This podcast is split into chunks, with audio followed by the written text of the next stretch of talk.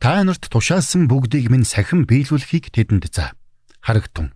Үеийн төгсгөл хүртэл би та нартай үргэлж хамт байх болно гэж айлдав. Матай 28:20 Мэргэний сонсог мэдлэгэд хэлэг. Ухаалаг нь мэрэгэн өдрөмжийг мөн авг.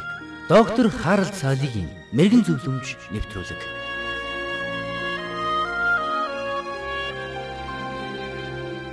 Түүний зүрхийг Африкт үлдээсэн ч биеийг нь Лондоны Вестминстрийн сүмд оршуулсан юм. Түүнийг нас барах үед нутгийн иргэд түүний зүрхийг болгоомжтой гэгч нь сугалж аваад түүний ихэд хайрладаг байсан Африкийнх нь хөрс шоронд нутаглуулж харин шарлийг нь Англи руу буцаажээ. Тэр хүний нэрийг Дэвид Ливингстон гэдэг байсан юм. Шотландын Блантайрд төрж өссөн тэрээр Африк дэх үйлчлэлээрээ алдаршсан нэг юм. 20 гаруйхан настай байхдаа би энэ агуу номлогч судлаачийн төрсэн газарт зочлон очиж байсан юм.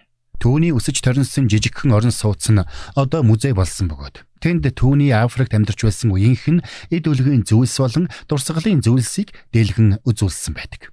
Хайртай эхнэр Мэриг нас барсны дараа тэрээр дотроо тээж байсан асар их ганцаардал уй гашууга тэмдэглэлийн дэвтэртэ буулган үлдээсэн байсан нь надад гүн сэтгэгдэл төрүүлсэн юм. Он жил өнгөрч тэмдэглэлийн дэвтрийнх нь хуудсууд захаасаа шаралж эхэлсэн байсан ч түүний бичсэн үгсийн утга санаа огтхон ч бүдгэрсэнгүй. Тэрээр тэмдэглэлийн дэвтрийнхээ нэгээхэн хэсэгт Мэри минь мэд колобургаас энд нүүж ирснээс хойш нам гомхон гэртээ амар жимэр амьдралыг хичнээн их хүсдэг байлаа да. Харин одоо чи минь илүү сайхан гэрлөө. Бидний диваачин дэх гэрлөө одожээ хэмээн бичсэн байсныг би тодхон санаж байна. Тэгвэл гэр бүл хамаатан садна.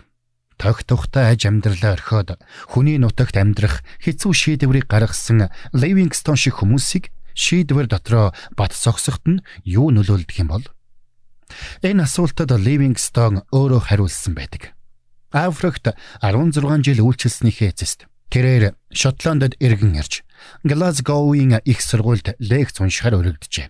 Арслангийн дайралтад өртснөөс болоод түүний нэг гар нь ажиллагаагүй болсон байснаас гадна халуун хумхаагаар олон дахин өвчлснөөс болоод эрүүл мэнд нь ихэд доройтсон байжээ. Түүний нүүр царай олон жилийн туршид боолын худалдаачдтай тэмцсэний улмаас үүссэн шарх сорвоор дүүрэн байсан гэдэг. Түүнийг эгэл жирийн хүн биш болохыг нь ухаарсан оюутнуудж тэр дороо анир чимээгүй болжээ.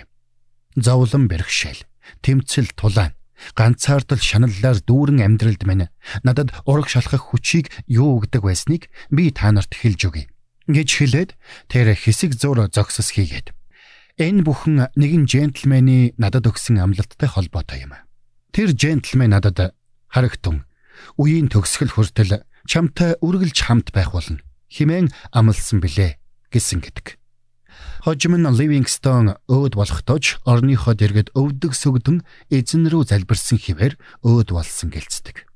Харин түүний дэргэд хуучирч муудсан шин гэрэн дээр Матай 28 дугаар бүлгийг дэлгээтэй байсан бөгөөд 20 дугаар ишлэлийн дэргэд джентльмений үг хэмээн бичсэн байсан гэдэг. Ливингстон өөрийгөө Бурхны төлөө агуу золиосыг гаргасан гэж үздэг байсан болов? Огтхон ч үгүй. Тэр энэ тухай ярихдаа Намайг Африкт олон жилиг өнгөрүүлж Бурхны төлөө маш их золиос гаргасан гэж хүмүүс ярьдаг. Гэтэл хизээж төлж чадхааргүй байсан гим нүглийн өр төлөөсийг минь цайруулж өгсөн Бурханд зориулан өчүүхэн зүйлийг хийж өгөх нь золиос мөн гэж юу? Сайн үйлс, сайн мэс чанар, оюун санааны амар амгалан, мөнхийн ирээдүйн итгэл найдварыг төрүүлдэг зүйлийг золиос гэж нэрлэх нь оновчтой гэж юу? Ингэж бодох нь надаас хол байг. Энэ бол огтхон ч залиос биш.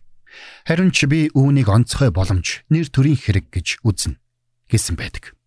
Хожим нь Ливингстоны шарлыг Вестминстрийн сүмд аваачаар Лондоны гудамжаар өргөж явах үед нэгэн хүн чангаар уйлж эхэлжээ.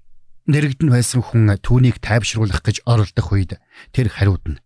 Би Ливингстоны төлөө биш, харин өөрийнхөө төлөө уйлж байна. Тэр үн цэнтэй зүйлийн төлөө амьдарч амиа зориулсан бол Би хийх хоосон зүйлийн төлөө амьдрч байна. Химэн хэлсэн гэдэг.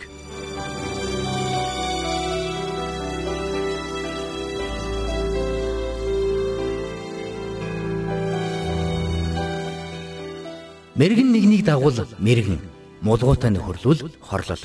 Доктор Харалт цайлигийн мэрэгэн зөвлөмж нэвтрүүлэг танд хүрэлээ.